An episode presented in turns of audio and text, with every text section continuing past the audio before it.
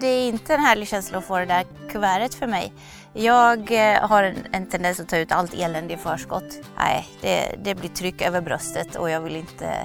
Eh, jag tycker det känns dystert. Det här är en podcast från Länsförsäkringar Östgöta.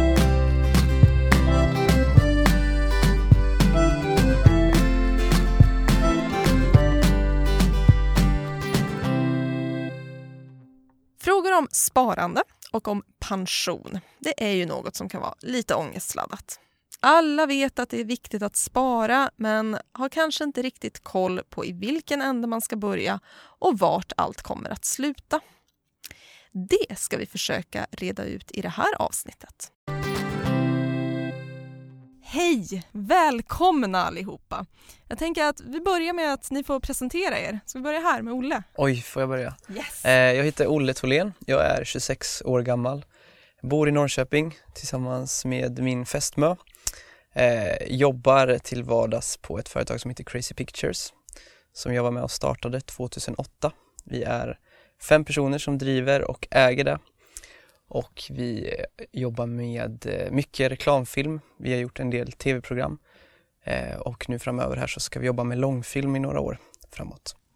Och jag heter Anna Hovergård och jag är 40 år, ganska nyligen fyllda. Och jag jobbar som gymnasielärare på Realgymnasiet här i Norrköping. Jag är lärare i samhällskunskap och historia.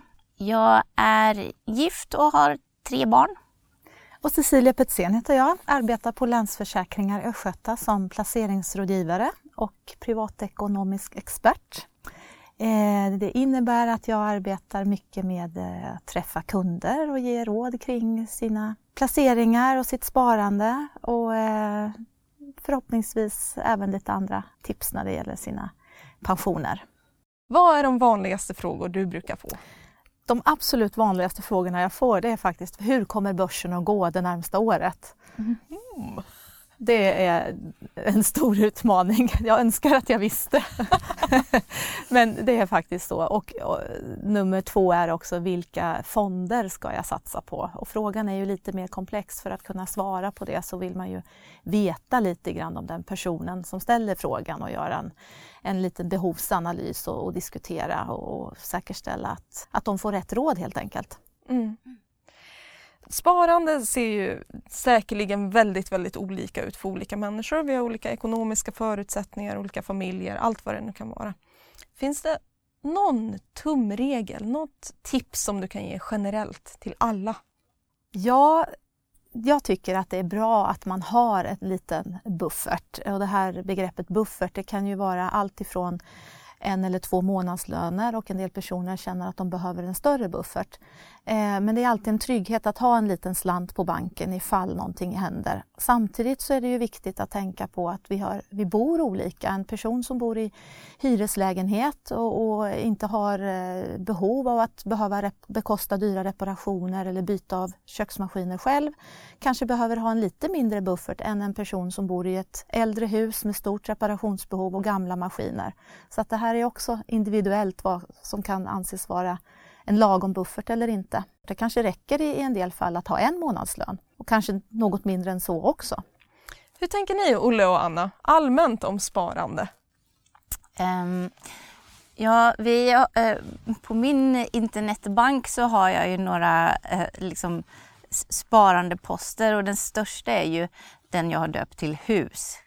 Och det är ju allting det som, som Cecilia pratar om att eh, ja, ifall, ifall frysen går sönder och sådär. Eh, och även, ja, vi planerar att lägga om tak och sånt. Så allt för att hålla, för att hålla boendet på en okej nivå. Eh, Så det är nog det som man sparar mest till. Sen har eh, vi, eh, min man och jag har en, en totalt delad ekonomi. Men eh, för ett tag sedan så kände vi kanske att det, mm, när vi skulle göra någonting kul, bara han eller bara jag, så blev liksom hela kassan lidande av det. Så nu har vi faktiskt satt igång ett, ett litet fondsparande var och en där vi stoppar undan bara 500 kronor i månaden.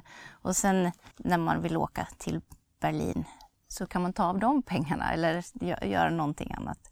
Så det är, liksom, det är väl det enda liksom enskilda som jag har förutom mitt pensionssparande då, där jag också sätter undan pengar. Ja, sen sparar vi lite till barnen och sen eh, har vi ett semestersparkonto. Så det är lite olika potter? Så. Ja, det heter liksom vad det är så, för att det ska vara enkelt. Låter det här smart Cecilia? Det tycker jag absolut. Det låter som att ni har kommit en ganska bra bit på väg. Gud vad eh, och det är lite grann som jag själv brukar resonera, att man, det är bra att ha lite olika säckar för att en buffert kan ju faktiskt vara en väldigt kortsiktig buffert utifall att maskin, köksmaskinen går sönder. Men det kan ju också vara en buffert för lite längre lite längre period eh, som kan kännas bra och då bör man kanske inte ha exakt samma inriktning på det sparandet som är jätte, jätte kortsiktigt som det som kanske är ett eller två år med tanke på att man eh, då kan få en lite bättre avkastning eh, om man placerar lite annorlunda än ett vanligt bankkonto. Och Olle, känner du igen det här sättet att spara? Ja, alltså jag, jag har ju inte riktigt kommit så här långt. Jag får se upp till dig lite tror jag och tänka att jag ska dit. Ja, men jag har ju bara ett sparkonto egentligen där jag ser till att ha en, en peng. Um, jag satt och funderade lite nu när jag hörde dig prata. Jag, jag tror att jag, jag försöker nog lura mig själv ganska mycket. Alltså får nästan en annan identitet när jag loggar in på min bank och försöker liksom sno pengar från mig själv och kasta in på det här sparkontot. Eh, så att eh, det här låter inte så sunt men jag har egentligen två konton. Eh, ett sparkonto och ett, liksom ett konto som jag kommer åt. Sen ehm, eh, så ett, ett, ett beteende jag har är att ofta när jag får kontanta pengar så tycker jag att det är ganska härligt. Eh, alltså om man till exempel säljer en bil och får lite pengar emellan när man köper en annan bil eller säljer någonting. Så det är inte helt omöjligt att jag har en kassa som kan faktiskt finnas fysiskt för det kan vara väldigt härligt. Några tusenlappar i någon burk liksom. Eh, lite mm. old fashion så. Mm, verkligen. Eh, ja, ja, men jag vill komma dit där du är. Eh, ha lite konton eh, tror jag. Det, Välkommen det börjar bli att dags. boka en tid Olle. ja, ja, det får nog bli så. Mm. Det skulle vara väldigt härligt att ha ett konto som var hemmet liksom. Är det här ett vanligt sätt att göra också Cecilia? Eh, ja, jag tror att kanske för en del lite yngre personer så är det så. För att eh, ju äldre man blir och, och då man tvingas ta tag i de här eh, sakerna Eh, och, och, jag tycker ändå att, att Olle, du är medveten om att det kanske inte är det klokaste i, över tid. Samtidigt är det viktigt att man också, det ska ju kännas bra i magen som jag brukar säga. Sen ska man inte bortse ifrån att finns det bättre sätt att lägga pengarna på och precis som Anna beskrev det här med att ha olika säckar, det, det är ofta så jag resonerar också med med personer som kommer. Och många upplever eh, att de känner sig väldigt lätta, men nu har jag äntligen redat ut det här och nu vet jag ungefär vilken säck jag har till vad. Och, och, och det är en väldigt tillfredsställelse både för, för kunderna men även för mig att man har kunnat hjälpa till lite grann att bena ut problemen. Ja, det kanske blir tydligare för när man loggar in där på en internetbank till exempel och ser de här olika, ja, men ni Anna och din make som har de olika potterna, namn Ja, ja just det, att, att de heter olika saker och det gillar jag. Och nu vart jag så förvånad för att jag trodde att jag var jättedålig på det här med att spara. Du är förebild. Så skönt att Olle kom här och bara allting är relativt. Men för att jag, jag har ju men, arbetskamrater till exempel som har blykolv också på var de här säckarna är placerade någonstans. Och det tycker jag kanske att det kanske är nästa steg då att liksom lägga pengarna på smarta ställen. Det här med olika säckar och så tänker jag också kanske för oss in lite på olika sätt att spara. Det finns ju aktier och fonder och indexfonder och allt möjligt. Kan inte du Cecilia bara gå igenom, vad finns det för olika sätt? Det finns väldigt många. Men det viktigaste när man börjar det är att man också titta på vad är rimligt att när jag sparar på väldigt kort sikt, om jag sparar i en säck på lite längre horisont, kanske ett till två år, semestern om ett år, det som är på kanske tre till fem år. Man kan alltid komma åt pengar men de ska liksom utvecklas på olika sätt. Eh, och det man sparar på riktigt lång sikt, till exempel eh, till pensionen och så. Eh, och då brukar man ju ofta prata om fonder och det finns ju allt ifrån räntefonder, väldigt försiktiga sådana där man i princip inte får mycket högre avkastning än ett vanligt bankkonto. Eh, och sen finns det då eh, aktiefonder och aktiefonder har då i regel högre risk eh, och allt ifrån riskklass 1 till riskklass 7 på fonder. Sen finns det olika kapitalskyddade sparformer där man har en, en trygghet så man vet att jag kan inte förlora visst grundbelopp eh, men jag kan få vara med och ta del av en positiv utveckling. Sen finns det rena enskilda aktier, då är ju risken ännu högre för i en fond så får du en sammansättning på flera olika företag. Och indexfonder är ju ett ganska vanligt begrepp. Om det är en svensk index, indexfond så speglar den ju utvecklingen på den svenska börsen helt enkelt. Till skillnad från en aktivt förvaltarfond där förvaltarna köper in sig i olika företag eh, som man bedömer då ska ha en högre sannolikhet att gå bättre än, än börsen generellt. Sen finns det bekväma, enkla fonder där man får en sammansättning av flera fonder i ett och samma paket. Jag tänker på det Anna berättade här, att det är svårt att hålla reda på allting. Eh, så att det finns en mängd olika ett varianter. smörgåsbord. Ja, det finns det definitivt och det är också ett sätt när man träffar kunder eh, att presentera det bästa som passar just den enskilda personen ur det här smörgåsbordet. För man blir inte hjälpt av att ha 8000 olika val att göra utan att man kanske får ett förslag på fyra, fem och det är ju vårt arbete då att utröna vad passar den här kunden bäst. Hur har ni gjort, Anna och Olle, med sparande? Jag har inte placerat någonting i några fonder. Jag tror inte mina föräldrar har gjort det jättemycket heller eh, tidigare och man tar ju efter ganska mycket utan att man tänker på det i det tänket liksom utan det handlar mer om att lägga undan pengar än att placera pengar tror jag. Eh, eh jag tror det handlar om en okunskap också. Många tycker nog att det är väldigt knöligt att förstå vad, vad det där är för någonting och ska man skatta när man plockar ut och alltså det, det känns farligt tror jag många tänker. Så jag, jag tänker att jag ska, jag ska in där någon gång men eh, nu så är det mera eh, traditionellt sparande som jag gör. Vad säger du Anna? Jag tror det som Olle säger just det här om eh, arvet hemifrån, det, det betyder jättemycket. Mina föräldrar har aldrig sparat i fonder heller men jag har kompisar som är lika gamla vars föräldrar var ganska aktiva med att handla med aktier och då pratar vi ju ganska länge sedan när det inte bara var att gå in och, på sin internetbank och byta plats på lite grejer och så var det klart. Men jag har inte med mig det hemifrån heller. Sen har jag väl en ganska bra bankperson då som har varit på mig lite grann och känner till min situation och, och, och sådär. Ja, så han har kunnat hjälpa mig med det. Är det grundtipset? Att ha någon som man kan bolla med? Ja, jag tror att det är bra och, och, det kan ju vara någon person på sin bank.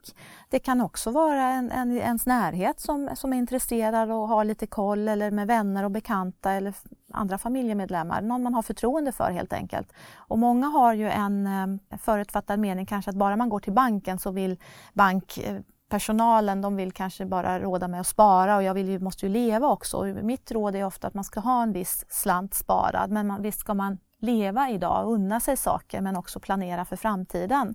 Så att det ena utesluter inte det andra. Eh, och man ska också känna sig trygg i att man ändå får en, en bra beskrivning av hur nuläget är och utifrån det sen ta fortsatta beslut hur man vill göra. Och man behöver och man bör inte krångla till det allt för mycket tycker jag.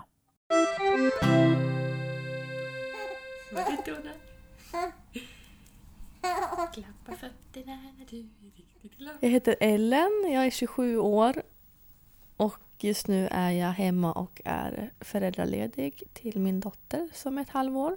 Jag har pensionssparat sedan jag var 19 år och det började med att eh, när jag fyllde 18 så fick jag tillgång till en fond som mina föräldrar hade sparat åt mig. Och då kände jag att jag ville göra någonting av det så jag bokade ett möte på min bank där jag placerade om de här pengarna i en annan slags fond för långsiktigt pensionssparande. Ja, jag visste inte så mycket. Eh, så jag kände att jag behövde ta hjälp. Och då satte jag upp ett långsiktigt pensionssparande via en kapitalförsäkring. Eftersom jag nästan hela tiden från att jag tog studenten har haft eh, heltidsjobb så har det känts konstigt att inte lägga en del av pengarna på ett sparande och då ett ganska långsiktigt sparande som pensionssparande är. Jo, men när jag kom in på banken och pratade med den här mannen så tror jag att han tyckte att det var lite, lite roligt och kanske inte så vanligt att jag kom in och hade så många frågor om pensionssparande som 19-åring. Någonting som har kommit upp lite när vi har suttit och pratat här som jag tänkte att vi skulle fokusera lite mer på, det är det här med pensioner. Du Anna berättade ju att du pensionssparar i alla fall. Ja, det gör jag. För det ska man ju. så. Eh, men det är ingenting som jag, vad ska man säga, att jag gör med någon särskild glädje eller entusiasm utan det jag, jag har förstått att så ska man göra och så, så, gör jag det. Och jag vet inte om jag gör det tillräckligt mycket eller för lite eller, eller så. Mm. Mm. Det där med pension vill jag helst inte tänka på. Olle, känner du igen dig? Ja, jag, har, jag sparar inte alls till pension än. Jag ska. det är också eh, på ja, att Nej, göra men liksom. jag gör faktiskt inte det än. Ehm, det är väl dags. Ja, är det dags? Det tycker jag absolut. Eh, och jag förstår också vad Anna och, och, även Olle, även om han inte har börjat än, när Anna beskriver det här med att man att hon känner att det är lite ångestladdat. Och, eh, det är en ganska vanlig känsla tror jag, samtidigt som det är så abstrakt där med pension för många. Det är så långt fram i tiden så att, och blir väldigt krångligt. Men man ska komma ihåg att eh, det är ju också så att, att staten har ju lagt mer av det här ansvaret på den enskilda individen vilket jag tror bidrar till att man känner en, en viss press på sig att man måste fixa det här. Ehm, det man ska komma ihåg, nu pratar vi ju, det är ju flera delar i den här pensionen och det är ju egentligen de tre grundplattorna. Att ha lite koll på att en del är ju en allmän pension, en del är tjänstepension eller så kallad avtalspension och en del är det egna privata sparandet. Eh, och när det gäller den allmänna delen så eh, är det ju den del av inkomsten som staten sätter av och 2,5 procent av den delen får man ju själv bestämma hur det ska placeras. Och det här eh, infördes år 2000 och då var det ganska mycket fokus på de här frågorna och sen eh, har det kanske ja, fallit lite grann i glömska. Men den största delen för de flesta det är faktiskt den del som arbetsgivaren betalar in. Eh, och det kan vara så mycket som eh, upp till 50 procent av den totala pensionen och det även kallas, kallas även för tjänstepension eller avtalspension. Och där är det också en del som man själv bestämmer hur det ska placeras och det beror lite grann på vilken arbetsgivare man har eller om man är privat anställd eller om man är eh, kommunalt anställd eller anställd av staten. Det är lite olika regelverk som gäller där. Sen har vi Olle då som är egen företagare och inte har då någon, någon avsättning. Eh, om man, för de andra det är ju ett kollektivavtal som styr, vill jag poängtera. Men det finns också de som är egna företagare. Då måste man ju själv titta över det här. Och är man inte medveten om att man själv måste sätta av eller företaget ska spara åt mig för det här annars så hamnar man i en väldigt mm. tråkig sits. Mm. Och var ska jag börja då? Det här kuvertet kommer hem, jag vet inte ens om jag vill öppna det. Börja öppna det i alla fall. Det är väl en ganska bra start att, att öppna det och sedan eh, titta lite grann för en del har inte gjort något aktivt val själva heller för de här 2,5 procenten. Om jag börjar nerifrån och upp den allmänna pensionen. Där tycker jag att det kan vara idé att man diskuterar det här och tittar över vad, vad, hur vill jag ha det? Och där tycker jag att man ska inte göra det svårare för sig än vad man behöver. För de allra flesta är det jättebra att ha en pensionsfond eller en typ av bekväm fond som successivt trappar ner risken ju närmare pensionsåldern man kommer. Då skulle jag vilja fråga en sak där. För när, när jag eh när jag, när jag läser och när jag får brev från min bank och så här som gäller mitt, eh, mitt pensionssparande, då, då, då, säger de så här till mig ofta så här, ja när du är ung då ska, bör du placera dina pensionspengar i eh, aktier. Men när du blir äldre är det bättre och liksom att föra över dem till ja, räntefonder och allt vad det är. Eh, men min fråga är ju, alltså när är man ung och när är man gammal enligt pensionssystemet? För att, eh, I och med min, min 40-årsdag här nu så tänkte jag kanske, jag, har jag trillat över och blivit äldre nu då? Eller ja, när är man ung och när är man gammal? Ja, det är en jättebra fråga. Och det, och det, det, man brukar väl säga så här att när det börjar närma sig att det är ungefär tio år kvar till pensionsdagen. Och har du tänkt att gå i pension när du är 60, då är det 50 som det ska börja trappas ner. Men har du tänkt att jobba till du är 65, då är det vid 55 som den här riskdelarna börjar trappas av. Och den servicen det kan ske alltså med automatik om du väljer den typen av, spar, av, av sparande, alltså den typen av fonder. Sen ska man ju inte glömma bort att även om man går i pension vid 60 eller 62 eller 65, den allmänna pensionsåldern just nu är ju 65 men den kanske ja, det är ganska sannolikt att det kommer att bli en högre pensionsålder framöver. Men vi vill fortfarande ha möjlighet att kanske trappa ner vårt eh, arbete och kanske gå i pension ännu tidigare. Och ju tidigare man har tänkt att gå, desto viktigare är det att man har en egen, ett eget privat pensionssparande som kan täcka upp för de åren. Men eh, även när man har gått i pension så ska ju de här pengarna betalas ut under flera år. Det är ju inte bara ett år utan de ska ju räcka så att man eh, dimensionerar det här med risk och så man inte bara har räntebärande placeringar när man är 65 utan en viss del även mot aktier. Så att man, och det får man i de här bekväma fonderna. Så då är jag ung fortfarande? Du är väldigt ung fortfarande. Ja. ja. Härligt. Um, när eh, ni, Olle och Anna, får hem de här orangea kuverten, vad är känslan? Är det sprudlande glädje eller? Jag vet inte, jag, jag tänker nog bara att det där tar jag någon annan gång. Mm. Jag tittar i det och tycker att det där är ju någon slags prognos men vi vet inte hur det kommer vara om 40 år nu. Eh, så jag kan bli lite så här, inte rädd, eh, snarare lite skeptisk kanske. Kan man ens vara pensionär om 40 år? Jag vet inte. Eller också kommer vi gå i pension nu i 50 eller 80. Eller, alltså det känns så väldigt svårt att greppa tycker jag. Mm. Därför tänker jag så här, det där, det där jag lägger undan liksom genom mitt företag så har vi en liten pensionssparande men, men privat så, så tar jag det lite längre fram. För jag tror jag är så slapp. Så jag, jag, det händer nog inte mycket i mig alls när jag ser det där orangea kuvertet. Faktiskt, om jag ska vara ärlig. Jag tänker nog bara att det där, jag är ung. Mm. Du är ju också ung har vi fått lära ja. oss. Det är, ja, det är ju en härlig känsla men eh, det är inte en härlig känsla att få det där kuvertet för mig. Jag eh, har en, en, tendens att ta ut allt elände i förskott. Nej, det, det blir tryck över bröstet och jag vill inte... Eh, jag tycker det känns dystert. Jag står ju på mina samhällskunskapslektioner och undervisar om det här.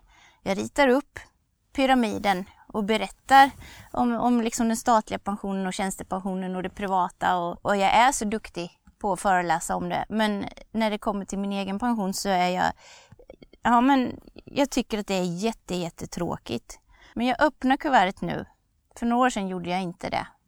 Det känns som ett ämne som verkligen är emotionellt eh, eftersom det handlar ju om hur man ser på sitt liv. Ja.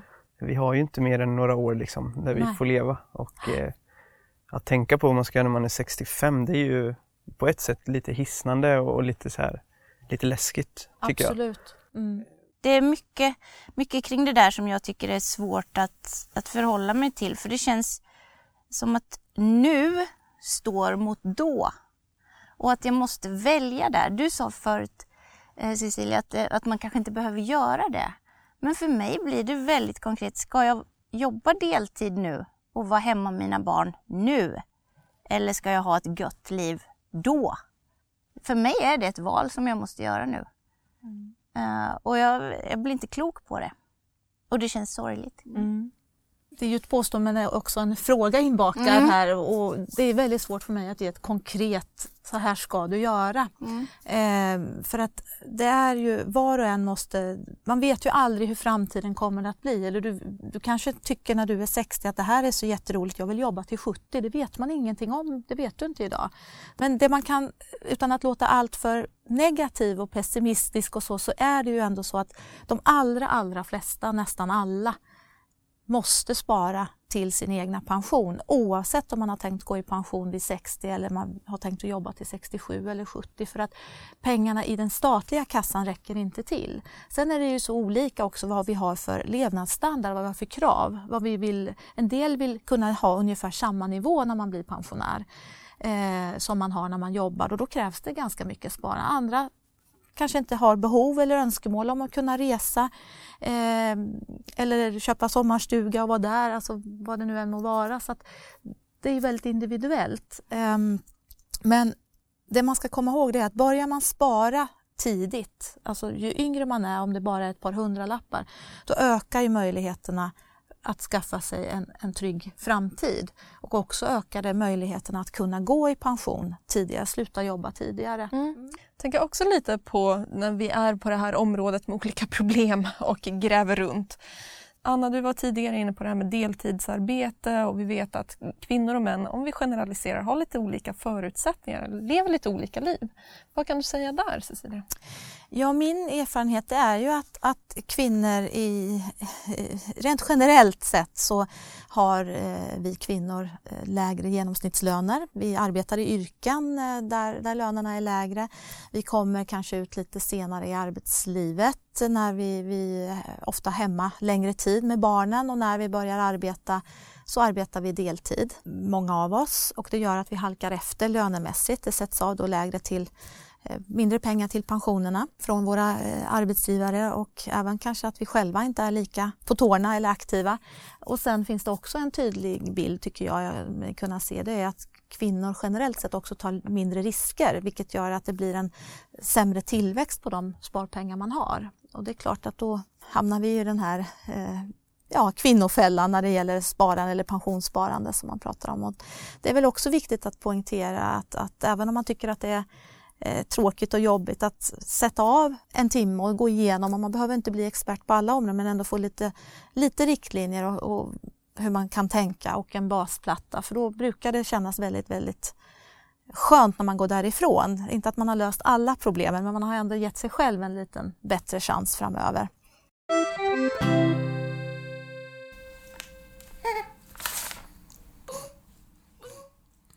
Jag räknade ut hur jag hur mycket jag skulle få ut i månaden om jag sparar 500 kronor i månaden bara på ett sparkonto.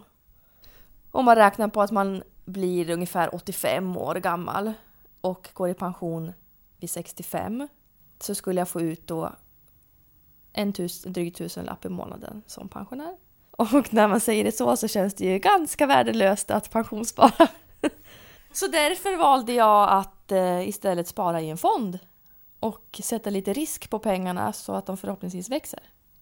När man väl går i pension eh, så vill man ju kunna göra saker, unna sig saker, kanske resa när man har jobbat ett helt liv. Alla extra tillskott man får då är ju positiva. Så då får man göra det bästa att försöka spara själv. Apropå de här viktiga sakerna så nämnde du Anna tidigare att det finns ju också en aspekt av att tänka var ligger egentligen mina sparpengar? Vad är det mm. jag stöttar för företag? Kan du berätta lite? Ja men för det är ju nu min premiepension har jag också överlåtit till min, min bankkille för han får göra allting.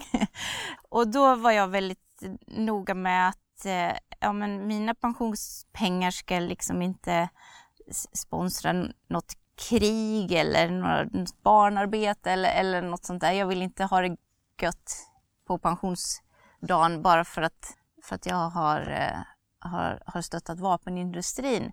Eh, så mina pensionspengar är placerade i någon sån här etisk fond.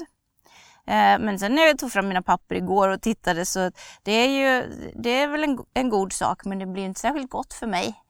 Eh, utan eh, att eh, värdeförändringen låg ju långt under den genomsnittliga på min etiska fond.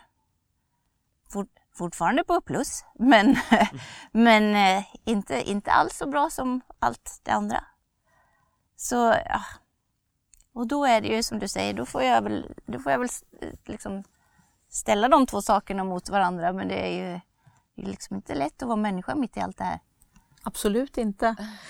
Eh, det är bra att du tar upp det här eh, just med etiska fonder. Nu kan jag ju bara svara för Länsförsäkringar så jag vet mm. inte vilken aktör men det blir ju mer och mer intressant även för vanliga eh, människor eller småsparare om man får uttrycka det så att, att placera. Får, får oftare frågan nu än för fem år sedan att har ni några etiska fonder? Och de flesta av Länsförsäkringars fonder är ju etiskt granskade. Tidigare var det vanligare att eh, institutioner och större företag de hade väldigt strikta regler för hur de skulle placera men nu är det väldigt vanligt bland alla och att frågan ställs. Eh, och nu gjorde jag en koll häromdagen och tittade på våra etiskt granskade fonder och de hade faktiskt gått bättre än jämförbara fonder som inte var etiska. Så att det behöver inte innebära att de går sämre. Det borde egentligen vara en eh, fråga, vill du tror... lägga din pengar i en oetisk? Alltså det borde ja, egentligen ja. vara så man ställer frågan, ja. att det liksom var, någon får ta beslutet om att faktiskt vara oetisk istället för att ta beslutet om att vara det. Det borde ju vara givet tycker jag. Ja. Och det är ju i princip så att de flesta är grundskannade, så att säga, eller screenade, mm. de flesta okay. fonder som finns i vårt eller i, i det fondtorg. Men sen att de för att vara en, en ren etisk fond, då, då, är det ju lite andra kriterier som gäller, eh, som där man ännu hårdare går in och tittar på liksom i princip alla nivåer. Eh, så att jag tror att det här har kommit för oss och det har, vi, det har ju samhället i stort och även företagen ett ansvar också att man arbetar med, med, med partners och eh, handlar med andra företag där man verkligen har det här på agendan. Att, att man, så tror jag att liksom många kan inte, en kan inte göra allt men många kan göra mm. mycket tillsammans. Det blev ett spännande samtal. Det finns mycket jag tar med mig. Men framför allt ju snarare jag börjar tänka på både sparande och pension, ju bättre. Det bästa sättet att motverka ångesten inför det orangea kuvertet till exempel är att bara öppna det och börja planera. Alla har olika förutsättningar när det kommer till sparande. Det gäller att hitta ett sätt som passar ens eget liv och ekonomi på bästa sätt. Och att hitta de bästa sparmöjligheterna och pensionsstrategierna är ofta genom att diskutera med andra. Kolla med din bank eller få tips av kunniga personer kring dig. I nästa avsnitt av Länsförsäkringar Östgötas podcast pratar vi om husets riskpunkter. Vad är det jag egentligen behöver ha extra koll på för att undvika olyckor? Tack för att du lyssnat. Vi hörs!